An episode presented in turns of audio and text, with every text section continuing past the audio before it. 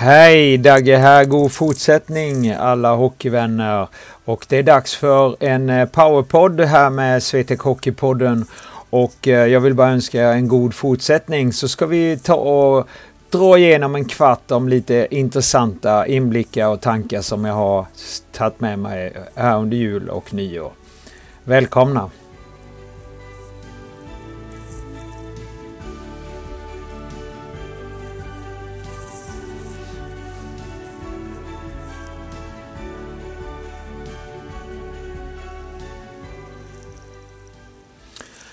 Ja, då är det den eh, första dagen på året och eh, ja, här i Kristianstad har vi i alla fall i, det är ju lite blåst och mulet och lite sådär. Men eh, som sagt var, det är söndag och eh, ett nytt år med nya förutsättningar. Och jag tänkte väl summera kanske lite 2022 och eh, prata lite om vad som hände under detta året och eh, vad vi har lite framför oss. Det var väl det jag tänkte vi skulle dra igenom lite grann. Så eh, ja, då kör vi väl.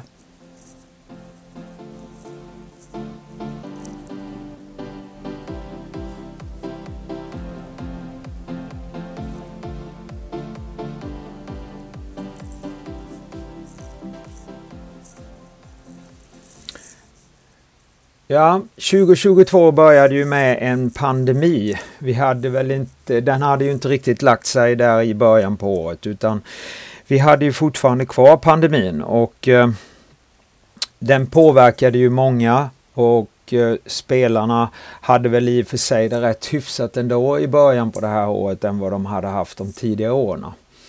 Eh, vi kom igång med våra utbildningar och eh, som sagt var det blev ju knökafullt ganska tidigt och det är förståeligt. Eh, spelarna vill ju ta igen lite grann om man uttrycker det så.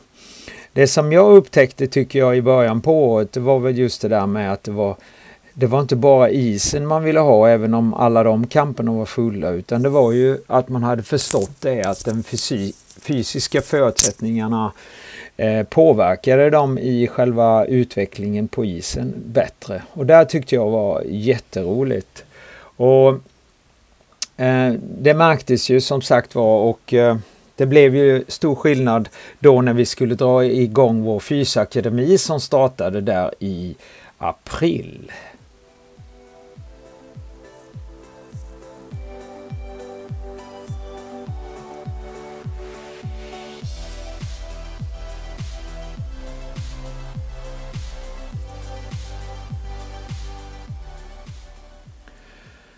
Ja, Fysakademin då, den innebär ju att vi träffas april, maj, juni, juli och augusti. Det är en endagars kamp och vi kör fystester och vi kör andra fysiska teoretiska pass också där spelarna får lära sig grunderna och eh, hur man ska tänka, eh, hur man ska jobba med sin fysik så att man blir lite skolad och lärd. Och det är ju en fördel om man tänker så sen när man jobbar i sina klubbar och eller man, om man typ senare ska söka hockeygymnasium och sånt här.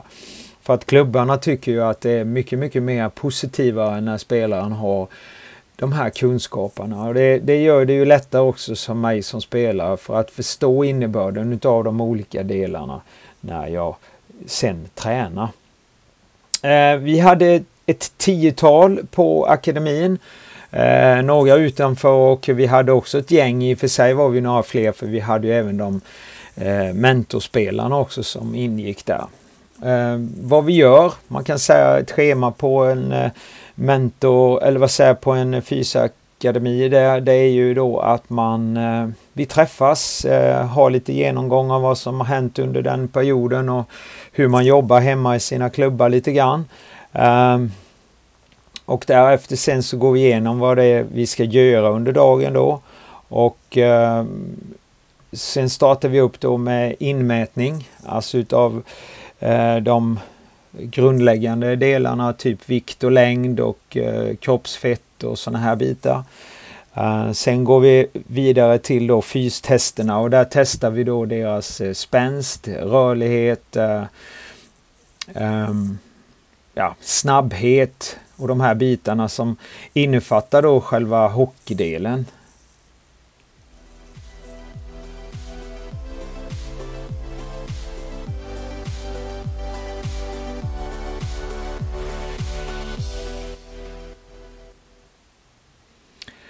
Sedan eh, när vi har gjort detta så går vi igenom då med teori och då har vi olika teman varje gång. Det kan vara kost, det kan vara uppbyggnad på hur man tänker i själva träningsfaserna. Eh, hur vi tänker när vi programmerar dem och gå igenom lite det här med appen som de också får under denna perioden. De har då sina träningsprogram samlade i XPSen då, alltså det är en app. Och eh, så de kan se varje övning med videos eh, och eh, där står också information om hur mycket de ska göra, sekunder och så vidare. Ehm, därefter sen så går man igenom eh, uppbyggnaden på ett fyspass och sen kör man ett fyspass då. Och det här kan vara ett fyspass som ligger i deras programmering och det kan också vara då ett fyspass så som vi körde på våran anläggning då. Sedan så tar de sig hem och eh, förbereder sig då inför eh, eh, de här fyra veckorna så kör de på tills vi då träffas nästa gång. Och där ser vi då framgången och förändringarna under tid. Så det är väldigt, väldigt positivt och ja, det är en fantastisk 20 veckor som vi har med dem. Så boka gärna på nu 2023. Det börjar i april igen. Så det är bara att titta på hemsidan under campus så har ni alla fem tillfällena.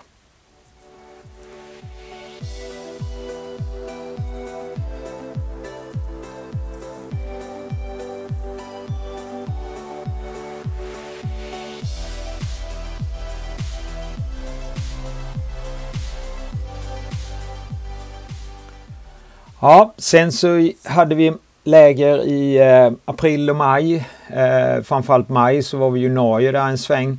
För första gången då på flera år var vi i Kristiansand och det var ju en fantastisk kamp. Det var ju Ja, det var ju en av höjdpunkterna förra året faktiskt. Eh, vi åkte hela teamet till Kristiansand. Det var målvaktstränaren Alexander. Det var eh, Marcus då som hjälpte mig med fysen och det var Sebastian Wenström då min äldsta son och eh, jag som tog oss dit till eh, Kristiansand och hade eh, tre fantastiska dagar faktiskt. Det var fantastiska spelare. Vi hade ju ett lag där från Ukraina också som hade stannat kvar här i Europa då när kriget bröt ut. Så det var ju väldigt känslomässigt också just det. Vi hade spelare från Norge, Danmark och Sverige. Så att eh, det var ju superintressant och framförallt kvaliteten på spelarna var ju ganska hög så det blev ju en enorm succé. Och eh, det är ett minne för livet och jag vill verkligen tacka Christian Sand igen för det var ju som sagt var det var en av årets höjdpunkter verkligen. Tack Christian Sand!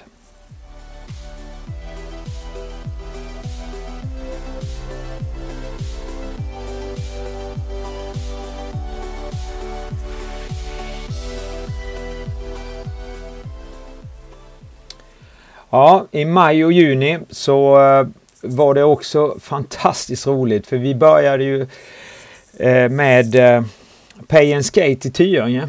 Och alla, alla omgångar, det var sju stycken där fram till mitten på juni, var ju fullbokade. Och det var ju också en enorm succé. Eh, de här åren under pandemin så var det väl lite si och så kanske men nu var det ju tillbaka där det var innan fantastiskt många eh, duktiga och eh, underbara spelare och föräldrar som vi fick träffa. Och eh, ja, det var sju fantastiska omgångar i Tyringe. Jag kan inte komma ihåg att det var regn någon gång vid något tillfälle där utan det var fantastiskt fint och det är alltid lika roligt att komma till Tyringe och vaktmästarna var ju som vanligt superba.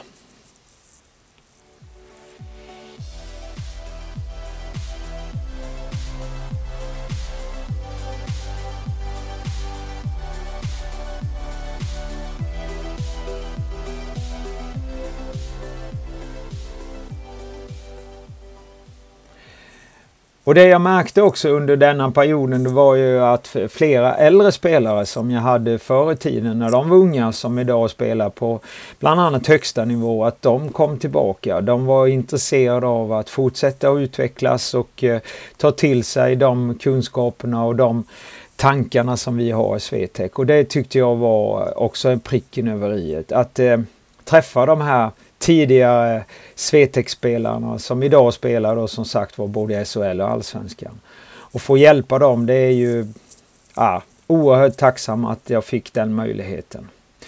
Sen drog jag ju på min årliga eh, semester och träningsläger som jag brukar kalla det. Jag drar till Spanien och det var ju några år sedan jag var där i och med att det varit pandemi.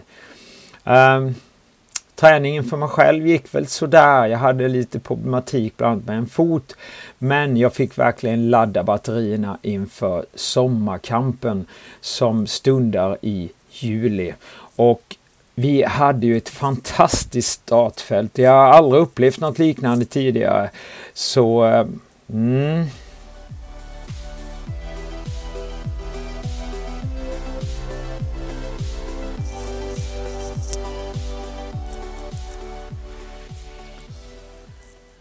det som var enormt den här sommarkampen i Tyringe, det var ju just kvaliteten på spelarna. Det fanns ingen spelare, varken i skillsgruppen eller elitgruppen, som vi tycker inte liksom riktigt platsade in. Utan alla verkligen eh, var med i matchen och eh, låg på nivåskillnad som, som, alltså det fanns ingen nivåskillnad utan de var på samma allihopa. Och det gjorde ju att det var mycket, mycket enkelt för oss ledare och instruktörer att jobba med dem. Vi, är, vi jobbar ju lite som så på Sommarakademin att vi har ju liksom inte några ledare som går runt och daddar runt dem och går och håller dem i handen. Utan de får ju sköta sig själva, hålla ordning på tider, vara väl förberedda. Eh, de ska ta sig dit och dit, det informerar vi, vi har gott om information. Men vi bygger ju på ett, eh, ett ansvar från spelarna. Sen ska vi då leda, lägga allt krut på att utveckla dem i varje pass de har. Och det är ju inte några pass. Det är ju tuffa dagar med eh, snitt 10 till 12 timmars eh, aktiviteter. Och eh, det är ju en hög belastning. Men det är ju inget saft och kaka-läge. Så det gäller ju att checka in och sedan då checka ut när man har gjort sina sex respektive sju dagar. Så det var också, och det var tycker jag årets definitivt största höjdare.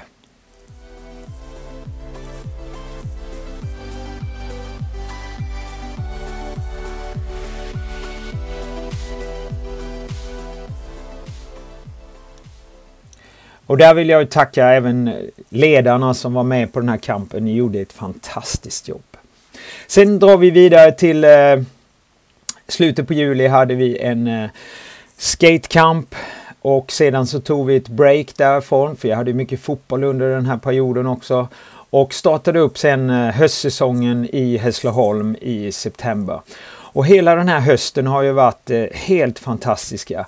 Eh, det som har varit bra med den här hösten det är ju att vi har haft ett stort intresse för våra skills eh, eller söndagsskillserna. Det har ju varit nästan fullt varenda gång och vi hade också en höstlovskamp som var eh, Ja, det var mest spelare de senaste tre åren. Och vi hade också en backkamp som var överfull. Jag ber om ursäkt för det, men vi hade väldigt mycket backar eh, och det var inte meningen. Så att det ska vi tänka på till nästa kamp. Och sen så avslutar vi det här året med en julkamp, en julskills och en Powerskatingkamp som var, tycker jag också, ett minne för livet att komma ihåg. Som vi tar med oss in 2023. Så, vilket fantastiskt 2022 vi hade. Och vi på Swetec är enormt tacksamma att ni har valt oss att komma och träna och utveckla er som både individer och som ishockeyspelare. Vi vill tacka för 2022 och därmed så så stänger vi det året och går in nu då i det nya året. Vi hoppas att vi kommer att få se er allihopa igen på ett eller annat sätt och att ni följer oss på vår hemsida och våra sociala medier och eh, behjälper oss med att utveckla både er och oss så att vi kan få ett ännu bättre 2023. Så god fortsättning på allihopa så hoppas jag vi syns under året på Swetec. Ha det så gott!